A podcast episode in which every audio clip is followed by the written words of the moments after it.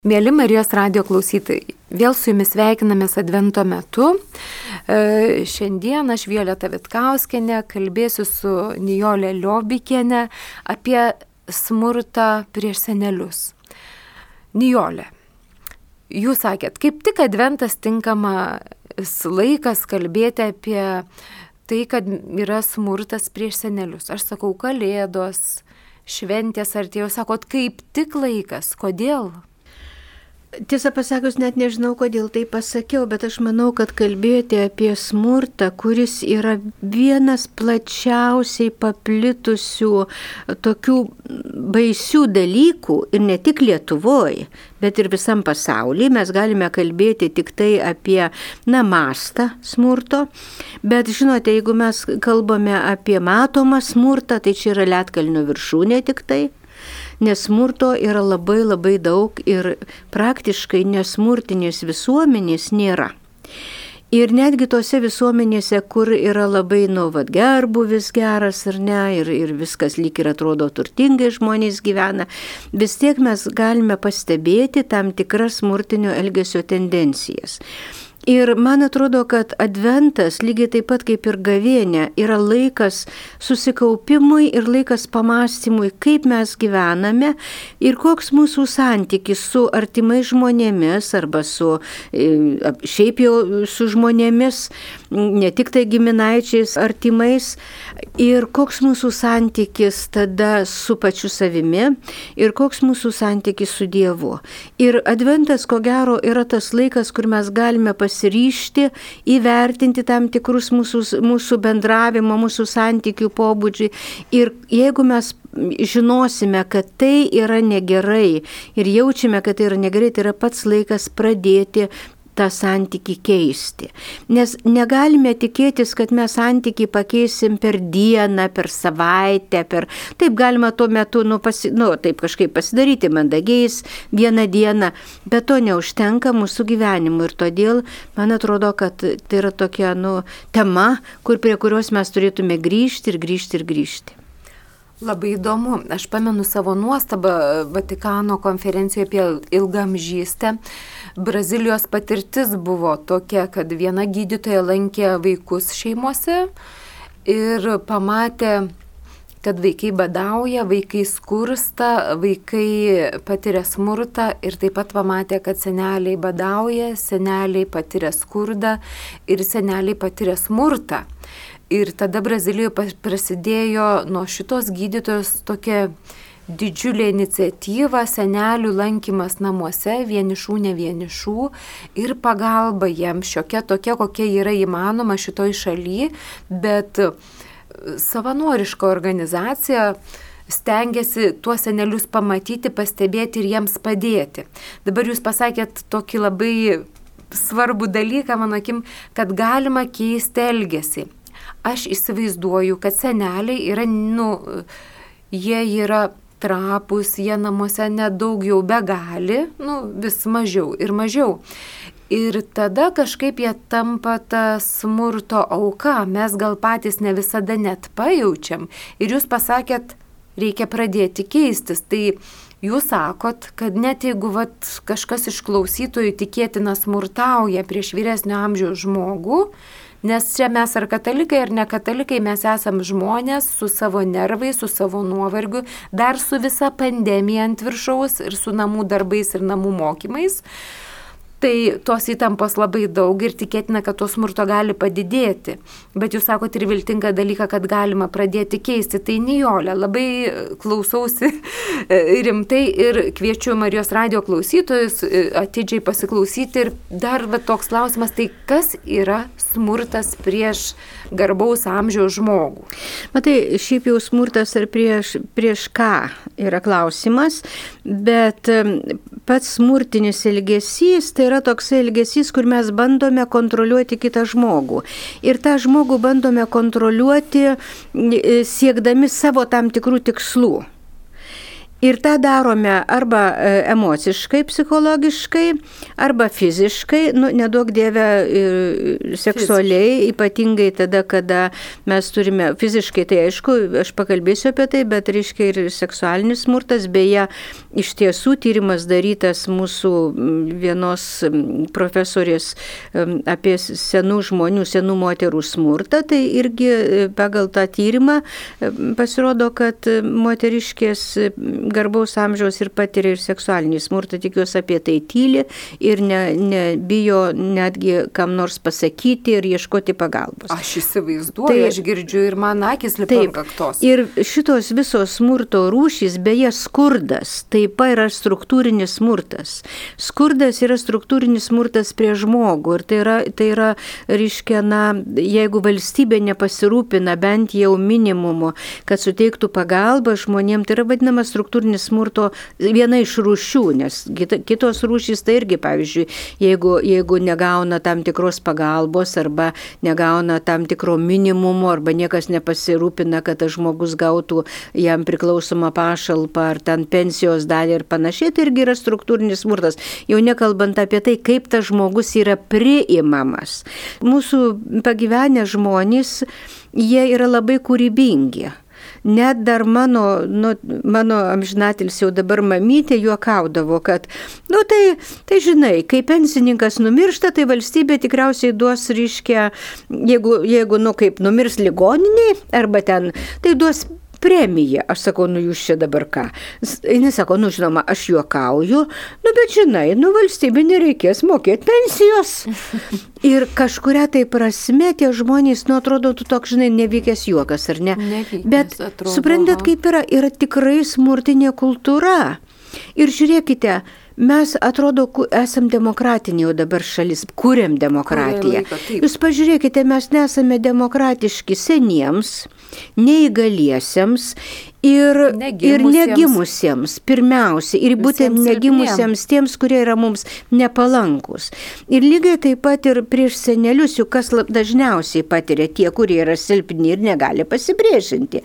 Nu tai kas yra, aišku, negimusieji tai jau nepasipriešins, tada vaikai ir kūdikiai, ir tada seneliai ir ne, neįgalieji ir ligoniai.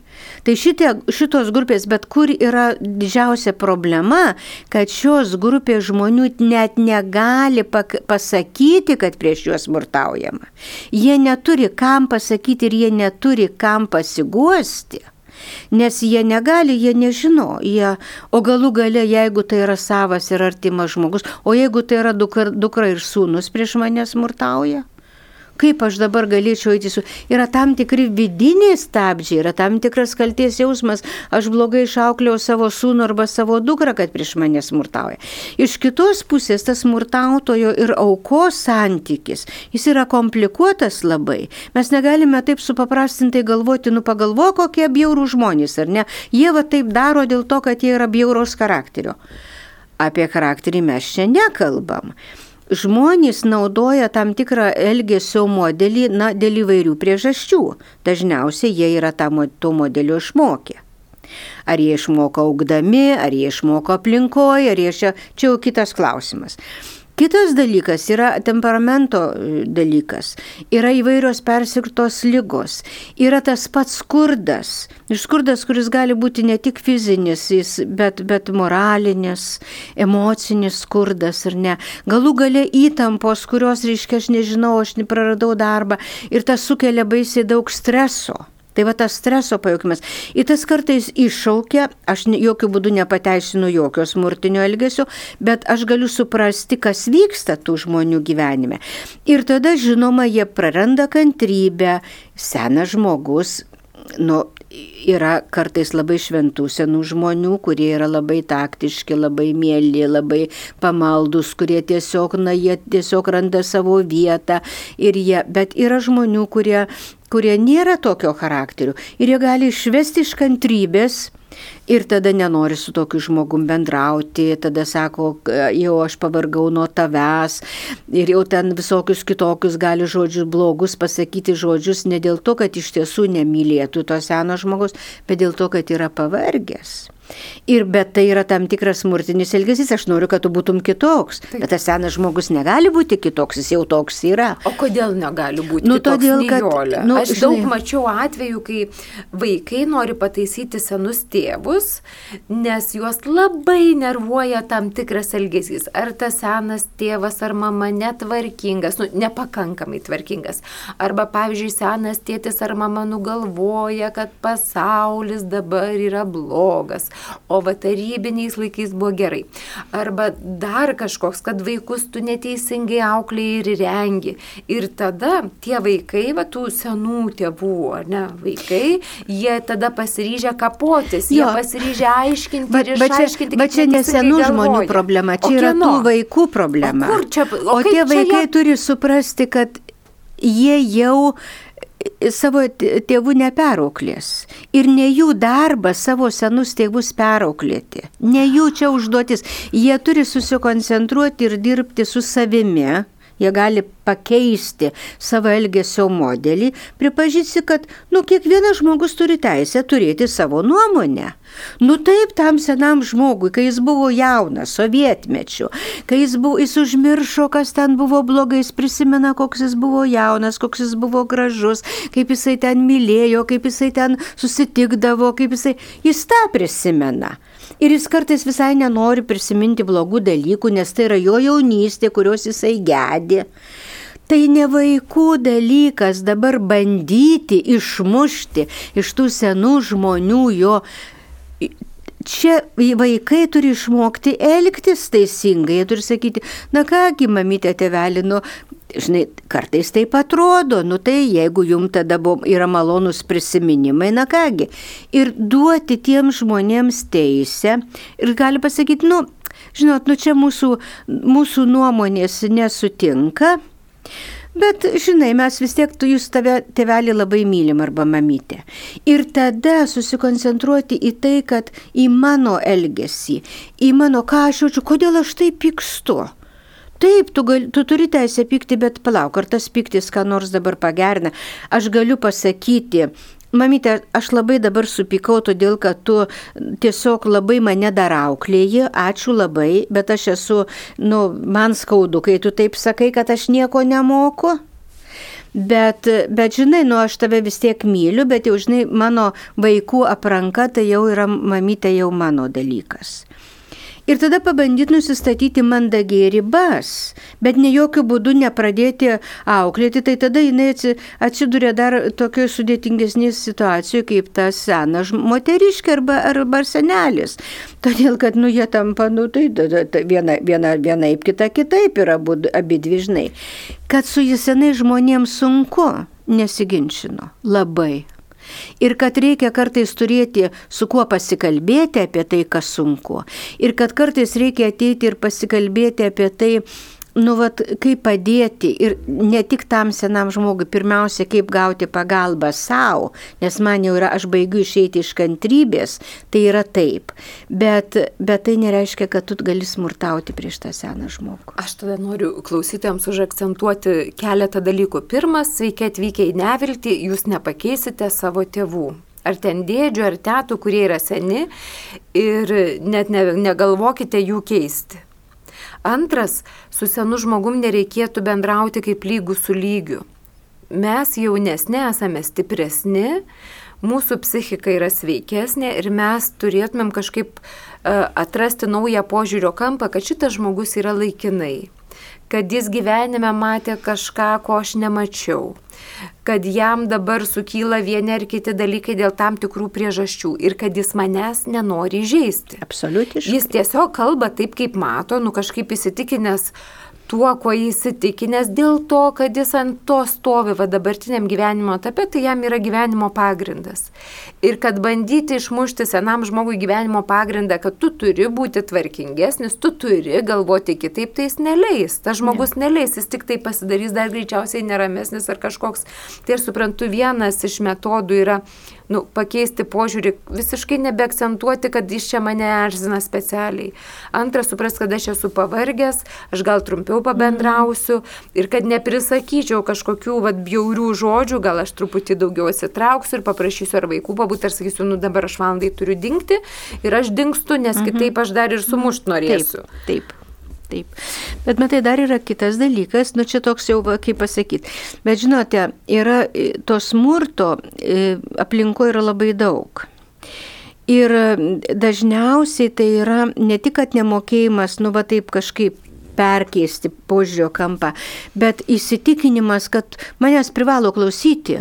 Aš esu čia teisingas. Tai čia visa mūsų kultūra. Tėvai sako, ir, kad vaikai privalo ir klausyti. Ir čia žiūrėk, kas, kas susiduria tėvai ir vaikai, Taip. ką vaikai išmoko. Bet čia dabar mes turime, jeigu mes norime pakeisti, tai mes turime keistis patys, bet mes negalime galvoti, kad mes galim pakeisti senelius, ar ne? Kitas dalykas, kad senelėms gali padėti. Labai nu panašaus amžiaus, ar kaiminė, ar ten mes aną kartą kalbėjome. Gal sakyt, nu ko tu dabar rūdini čia tuos savo vaikus, pažiūrėk, kokie tavo vaikai geri. Nes ta močiutė tikrai negali skūstis apie tuos vaikus, bet reikia visada žinoti, kad neduok Dievę, ką nors pritarsi dėl tų skundų, tai jau, jau žinai, tai močiutai bus irgi skaudu, išklausyti ir sakyti, žinai, nu geri tie tavo vaikai, viskas čia gerai, čia dabar kitoks laikas ir tu pagalvok, nu va, žiūrėk, nu tu geriau pasimesk už tos vaikus. Tu geriau juos pagirk, žinai, viskas, viskas čia gerai, žiūrėk, kaip gerai, kad tu dar turi vaikus ir tie vaikai tave vadžiūri, myli ir taip toliau. Kitas dalykas, kada yra na, tokio smurtinio elgesio apraiškos, todėl kad vaikai iš tiesų smurtauja ir jie net nesuvokia, kad jie smurtauja. Pavyzdžiui. Na, pavyzdžiui, taigi jeigu jinai ten taip, tai kaip aš galiu, žinai, jinai čia lenda, šneka ir aš sakau, eik šalin, eik lauk ir ten, žinai, pastumiu. Palauk, tu negali to daryti. O ką daryti, jeigu jau tau visai viskas, nes e, tu nuėjai virtuvę, atėjo paskui, nuėjai mėgamai, atėjo Užsirengti paskui. paltą ir išeiti. Hmm. Taip. Bet ne, jokių būdų negali niekinti, um, reiškia, kontroliuoti, o, o, o kontrolė būna senam žmogui. Tai lygiai taip pat, kaip senas žmogus davė, lygiai taip pat vaikais, ar ten sūnus, ar marti, ar ką, pasis, čia nuo senų laikų, pasiskaitykim romanus mūsų, mūsų rašytojų klasikų, kad ir Jėva Simonaitytė arba Juoza Baltušį. Tai ten pilna ir tas kartojasi, oi, tu ten tokia, šiokia, nokia. Pažiūrėkim, tautosaka. Bliūdelį reikia, žinai, atskirai padėti, nes dėdukas ar bobutė ten jau, žinai, nu kaip pasakyti, bėga per lūpas ir jis negražiai atrodo prie stalo. Ir tada norėjau išmesti tą bliūdelį, sako vaikas, neišmesk. Kodėl? Aišku, aš duosiu tau valgyti, kai tu būsi senas. Ir tada vaikas suklūsta. Jau kaip anukas tą pasako. Tai va čia yra tas išmoktas toksai ir iš principo, žinoma, tai yra kultūros dalykas ir visiška nepagarba žmogui. Bet nu, tokios jau smurto apraiškos arba, pavyzdžiui, visiškai paliek, palikimas vieno žmogaus. Ir, ir pavyzdžiui, te, teko girdėti atveju, kada dėl kažko supyko ten ar dėl turto, ne, neaišku dėl ko, žodžiu, ir paliko seną moteriškę, ryškę šaltam būte, šaltam ten name, ne, nu, ir niekam nieko nepasakė, žodžiu, susiviniojo ir išvažiavo. Žinai, tai gerai, kad kiti rado tą močiutę ir ten, žinai, sušildė paguldė ir ją prigludė ir panašiai. Tai vad jau čia yra tokios nusmurto apraikos, apraiškos, kur baisi yra tie, kurie turi galę, o čia yra galios klausimas, nes jeigu ta močiutė būtų milijonierė, tai jie apie, apie ją šokinėtų ir viską darytų, kad tik tie milijonai pasiliktų. Ir aš matau, kad tu dabar juokauji, bet iš tiesų taip yra.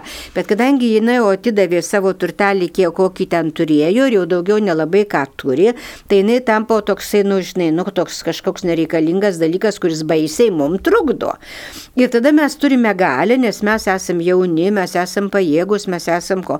Ir mes turime tą galę ir mes tą galę naudojame. Ir mes sakom, tu jau mums nusibodai, mes nuo tavęs pavargome vargom, žinai, kartais seni žmonės sako, nu tai, oi kaip gerai, kad atėjote aplankyti, aš žinoti, dėl galvoju, kad užmiršiu kalbėti. Nu kaip čia dabar, nes jau ten gal keli mėnesiai, jau ten jos nepakalbina. Mhm. Ir va čia jau yra tokios, nu, va, smurt, smurtinio elgesio apraiškos, psichologinės, emocinės arba nuolatiniai priekaištai mamai.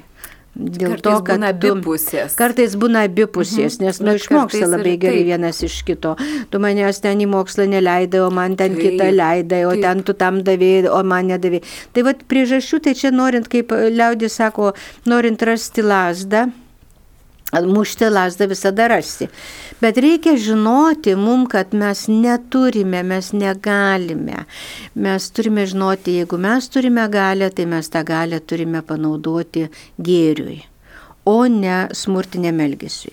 Ir paskutinį dar, mes nekalbėsim dabar apie seksualinę mhm. prievartą. Čia, na, žinot, labai jau toksai skausmingas, kol gal kada nors kalbėsim, bet dabar ne, ne ta tema. Fizinis smurtas. Juk fizinio smurto patiria seni žmonės labai. Ir čia yra du labai svarbus dalykai. Vienas dalykas yra, kad žmog, prieš tą seną žmogų artimiai tikrai fiziškai nesmurtauja.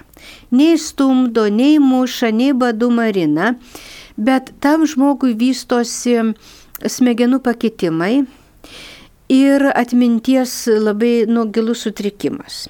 Ir dabar jisai, nu, vat kažkur ėjo, užsigavo, ar ten į baldo, žinai, į kampą atsitrenkė, čia pat pavalgė, bet užmiršo, kad valgė.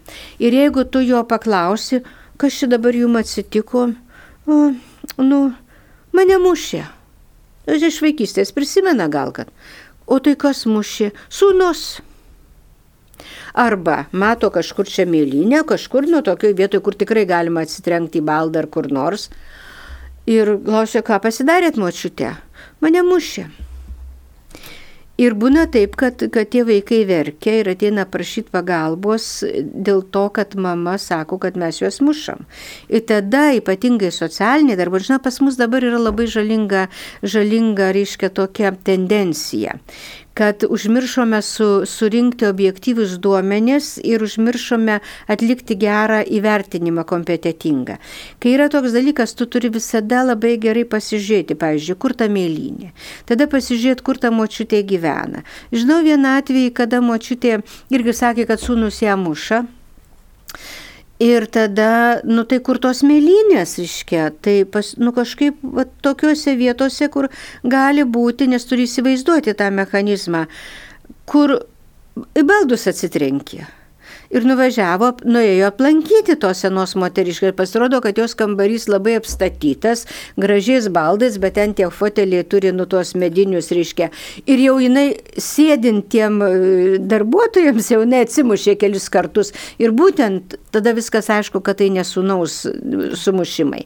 Bet iš kitos pusės mes turime būti nu tokie akylus ir pavyzdžiui dažnai būna, kad pasikartojanti trauma, lūžimai reiškia tipinėse vietose, kaulų arba sumušimai tipinėse vietose, arba ten kokie nors, reiškia, matosi, kad tikrai nau sugriepta ir ten panašiai.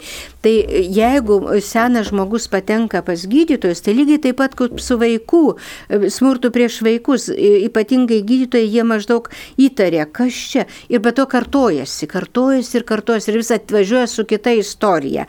Ten, ten kažkur didžiulė mėlynė, ką pasidarėjai, nu tai ten papasakoja vieną istoriją, tada senas žmogus pasakoja vieną istoriją, artimieji, artimieji pasakoja kitą istoriją, nes, nu, nespėjo susitarti. Tai gydytojai paprastai tuos dalykus, na, jau įtarė. Ir, ir čia reikėtų jau labai darant įvertinimą, jeigu, kaip sakau, jeigu tas žmogus patenka pas gydytojus. Nes pavyzdžiui, dabar kaip tik tai skaitau motinos Teresės, reiškia, iš Kalkutos, kaip jinai, jos seserys randa žmonės, kurie yra kirminų apiesti ir, ir ne, nereikia Indijos. Ir Lietuvoje yra tokių atvejų, kur žmonės guli e, pūvančiom pragulom ir kur vat arba karito žmonės, arba, arba medikai atranda, tai yra, didelį, tai yra apleistumas, nepriežiūra, tai yra taip pat smurtas. Lygiai taip pat smurtas, tik jis yra toks pasyvus smurtas. O kada jau, jau nu, ten muša arba stumdo, arba pastumė, arba matosi kokia tai trauma, žinai, ar, ar gal nedaug dievė sužeidimai, arba ten kokie nu, nudeginimai, tai jau yra aktyvus smurtas. Jolė, mes dabar, vat, jums bekalbant, galim pamatyti tokį spektrą kad prieš seną žmogų kaip silpnesnės veikatos, tokį silpnesnį gali būti naudojamas smurtas tas smurtas nu, ne visai lygioj vietoje atsiranda dėl to, kad e, tie prižiūrintis, gyvenantis kartu žmonės kažkaip išeina iš savęs Taip. dėl tam tikrų trikdžių. Priežasčių. Priežasčių. Ir dar gali būti, kad senas žmogus skundžiasi, kad prieš jį smurtaujama, bet tikrai nėra smurtaujama ir tada artimiesiam toks širdagraužis, kad jie nieko blogo nedaro, bet jie yra kaltinami. Taip. Bet aš dabar noriu vat, atkreipti dar tokį dėmesį, į, jeigu artimuosius labai nervuoja senas žmogus. Pavyzdžiui, vienus gali nervuoti, kad tyli, kitus gali nervuoti, kad kalba.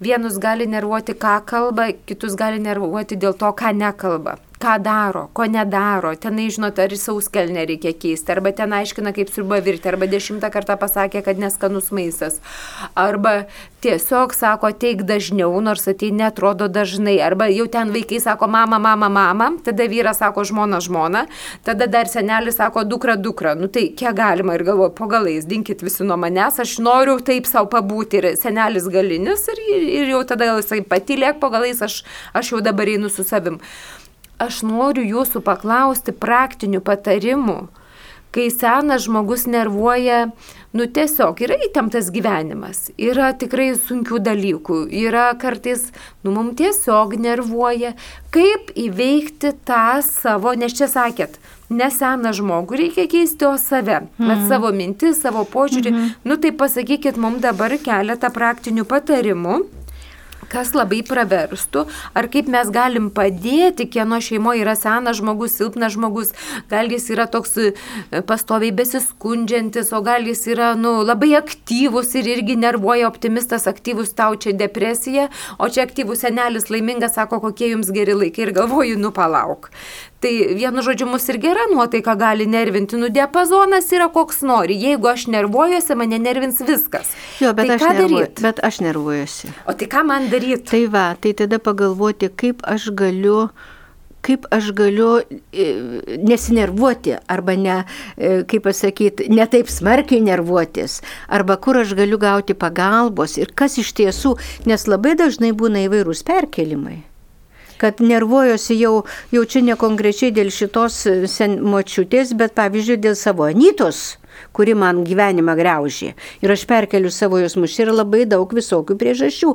Bet ar mes leidžiame mušti vaiką, kuris mus šimtą vieną kartų sunervuoja?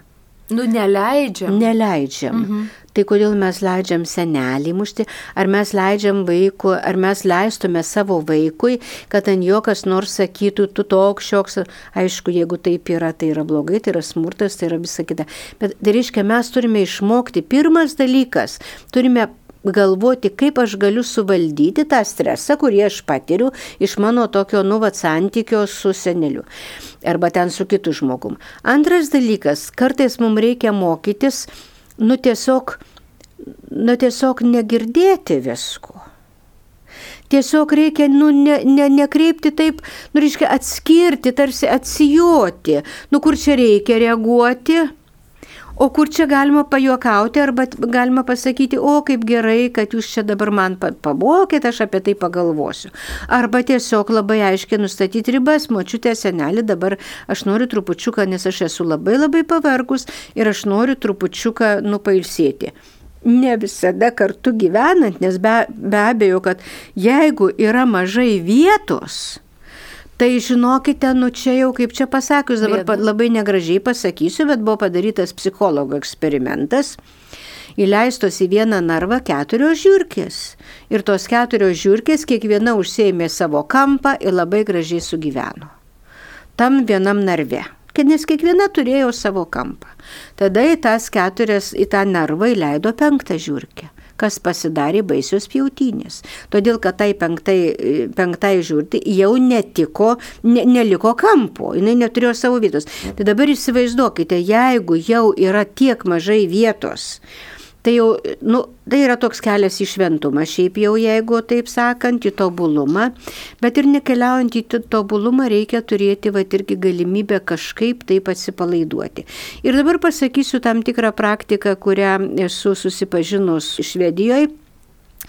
Um, apie Alzheimerio lygą kalbant, Tai ten labai valstybė labai nu, skatina, kad artimieji slaugytų, bet jie padeda artimiesiems atsipalaiduoti. Ir jie duoda darbuotoją, kuris ateina ir vieną kartą savaitę vieną dieną išleidžia, kas mėnesį ten nežinau, ar, ar per, per mėnesį sudaro, reiškia, savaitė kažkaip tai tų dienų, kur e, tiesiog sako ar, artimiesiems dabar prašom išeiti, e, ką norite darykite, kad atsipalaiduotumėt, nes tas žmogus žmogus bus prižiūrėtas ir taip valstybė nemokamai atsiunčia darbuotoją, reiškia.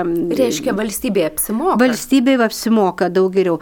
Ir tada, reiškia, dar duoda atostogas ir dar taip pat, jeigu tu negali, reiškia, tu gali paprašyti, kad paimtų tam ten keliom savaitėm instituciją, kur irgi nereikia mokėti, bet kad tu gautum atostogas. Beje, Lietuvoje irgi bando tą daryti slaugos ligonės, kiek aš girdėjau. Tai ką tas reiškia, kad mes visi esame žmonės su savo smegenų struktūra, su savo, reiškia, nu, patyrimu, su savo kantrybė, su savo temperamentu.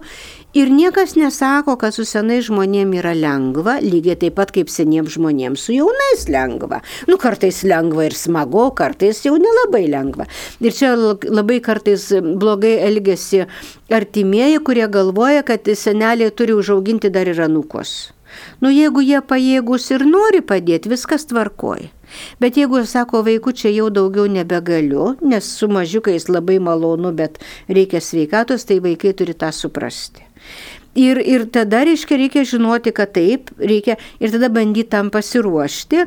Ir tada, jeigu tu matai, kad tau reikia pagalbos, tai tu turi tos pagalbos eiti ieškoti. Pirmas dalykas, reiškia, pabandyti pasikalbėti su kuo nors artimu, o gal ir ne visai artimu, gal nueiti ar į šeimos centrą, ar nueiti į karitą ir sakyti, nu man taip jau dabar aš, žinote, čia atsiranda paskui ir kalties jausmas, nes nu kaip aš apriekiau savo ryškę seną žmogų, jėtus kokia aš baisi. Gėda. Tai bet tu ne, ne dėl to apriekiai, dėl to, kad tu esi pervargęs. Vėlgi mes čia turime skirti padaryti, tada, kada yra žmogus tikrai pervargęs ir iš pervargimo ir kada jisai visą laiką smurtinį elgesį naudoja. O at visą laiką smurtinį elgesį naudojantis vargiai, jisai sakys, aš esu teisus, jinai man čia taip, jisai man čia taip, aš kitaip negaliu, jisai manęs neklauso ir taip toliau ir aš čia nieko blogo nedarau. Tačiau yra kita tema. Jau čia reikia tada senukus saugoti nuo, nuo, nuo smurtautojų ir taip toliau. Bet šiaip tai reikia eiti ir prašyti pagalbos. Aš dar prisiminiau tokį neseną, žiūrėjau nu, naujesnį tokį mhm. atradimą. E, streso medicinos darbuotoja kalbėjo, mhm. sako, stresas nėra blogas dalykas tada, kai daliniesi su žmonėmis, kai kalbėsi. Nes tada, sako, iš esmės yra tokie, toks mechanizmas, kad kai organizmas patiria stresą, jis išskria hormoną oksitociną, mhm. kuris skatina eiti kalbėtis, eiti apsikabinti, nu toks prisirišimo dalykas. Mhm. Ir sako, tie žmonės, kurie turėjo didelį stresą, ar dėl atleidimo iš darbo, ar dėl lygų, ar dėl kažko ir bendravo su kitais, jie neturėjo fiziologinių streso problemų o tie, kurie nebendravo, tie turėjo didelių problemų. Tai aš suprantu ir tą, ką jūs sakot, ir man tokia mintis, kad mūsų visuomenė labai yra tolerantiška nuovargiui mes nuvargstam, mes patys net pažįstam, kaimynai net pažįstam, mes visi galvom, kad mes dar esam nepakankamai geri, dar nepakankamai padėjom ar panašiai ir mes visai nesuprantam savo tokio ribotumo. Mhm. Ir labai svarbu, aš suprantu, kiekvienam pasiaukojančiam žmogui, tai mamai, žmonai, dukrai, nežinau, sūnui, broliui, seseriai, kad suprasti, aš pavargstu, kad per savaitę aš tikrai turiu turėti kokias dvi valandas kažkaip savo atsigauti. Aš nežinau, kur lakstyti, žiūrėti kažką, kur manęs niekas netrukdytų, nes aš kitaip visus išmušiu. Ar psichologiškai, ar fiziškai aš stumdysiuos, aš būsiu ne aš. Ir juo labiau, kai dabar yra pandemija, tai tos įtampos tikrai užtenka. Tai vienas dalykas pripažinti, kad aš pavargstu. Antra, aš suprantu, va, kaip jūs ir sakėt, kad atpažinti, kaip aš pailsiu. Trečia, sakyti, Dieve, padėk kaip gali. Ketvirta, ieškoti pagalbos. Jeigu nėra parapijoje, eiti toliau, eiti į savivaldybę. Jeigu ten nėra, tada gal kaimynų paklausti, tada dar pagalvoti, galų gale paskambinti Marijos radiją ir sakyti, aš ten gyvenu, ar jūs nieko nežinot, nes čia daug ką žino žmonės. Bet tiesiog paieškoti tos pagalbos ir nesustoti, jeigu pirmoji vietoje aš tos pagalbos negavau. Ir suprasti, kad normalu yra ir nusivilti, ir, pa, ir pykti, ir būti, nu, ne, nežinau, nu, tragiškoj sejausmuose. Normalu būti žmogumi namie. Va. Bet vieną pasakysiu bet. Bet nenormalu naudoti smurt, ne, nenormalu smurtauti. Tai kad išvengti to smurto, svarbu suprasti tai savo ribotumą pačiam, ir eiti. Jo, tai čia taip. Bet dabar įsivaizduokite, žmogus užaugo smurtiniuose santykiuose. Jis nepažįsta. Jis nepažįsta, nes su juo taip elgėsi, ant jo rėkė, jį kritikavo, jį stumdė.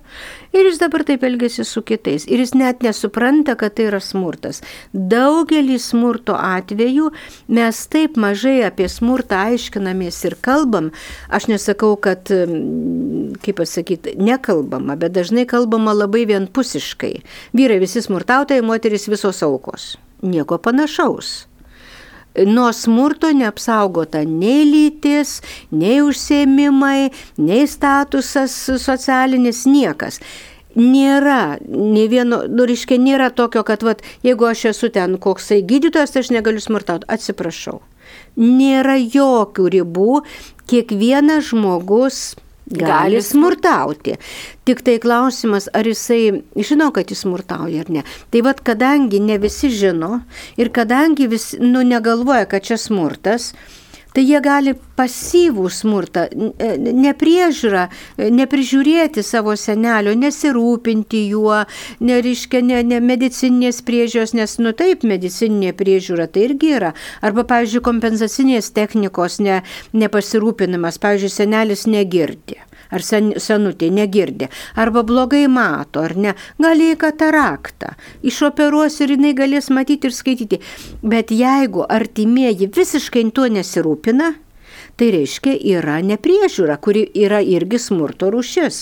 Arba nepasirūpina kompensacinė technika, kad jinai galėtų atsisėsti vežimėlį ir ją pavėžintų laukia.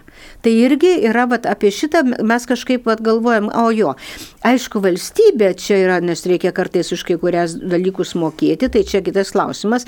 Ir, ir vėlgi, jeigu mes daugiau kalbėsim apie tai, tai daugiau reikalausim iš, iš valstybės. Bet iš, ir žinoma, jau visiškai yra nu jau toks labai žiaurus dalykas, kada seneliai mušami, kada seneliai marinami badu kada, reiškia, jie yra sužeidžiami ir jie nevežami pas gydytoją, tai jau yra toks labai didelis smurtas, dažniausiai iš tų smurtautojų, kurie irgi, nes matai, smurtas eina tokiu ratu, reiškia, jeigu nenutraukta ta grandinė smurto ir dar kas, jeigu smurtauja šeimoje, kur yra vaikai, tai jie irgi mokosi smurtinio elgesio prieš silpnesnį. Kaip baisu. Bet dabar Nijolė, žiūrėkit, adventas ir uh, ką jūs palinkėtumėt tiem laidos klausytojam, kurie mūsų klauso ir kurie gal smurtauja prieš artimuosius, prieš senelius, gal nesupranta, gal supranta, ką jūs jiem palinkėtumėte? Na, aš žinoma galvoju, kad tie, kurie smurtauja, dažniausiai jie sako, aš nieko blogo nedarau, nes nu, tokia yra dinamika. Arba, tai ką aš čia blogo padariau, aš negaliu čia stovėti visą laiką, ar ne, arba, ta, arba ten tas senas žmogus, jisai nesiduoda, kad aš jį ten, žinai, visokių dalykų būna. Bet aš palinkėčiau labai visiems, kurie yra arti, nustokime būti abejingi. Nustokime būti abejingi žmonėms, kurie yra šalia mūsų ar tas senas žmogus, ar ligonis, kaip sakiau, irgi e, patiria labai dažnai smurką, ar vaikas. Nu, nustokime, pasidomėkime. Juk nebūtina, pavyzdžiui, skūsti toj pat, nu, reiškia, tarnyboms. tarnyboms Bet galima užėti ir paklausti, nu aš kažkaip labai senai nematau jau jūsų močiutės laukia, gal, gal, gal reikia pagalbos, kinai. Ir gal tas, tas vaikas sakys, Dieve mano, žinok, aš tikrai jau, jau visai pati jėgų neturiu.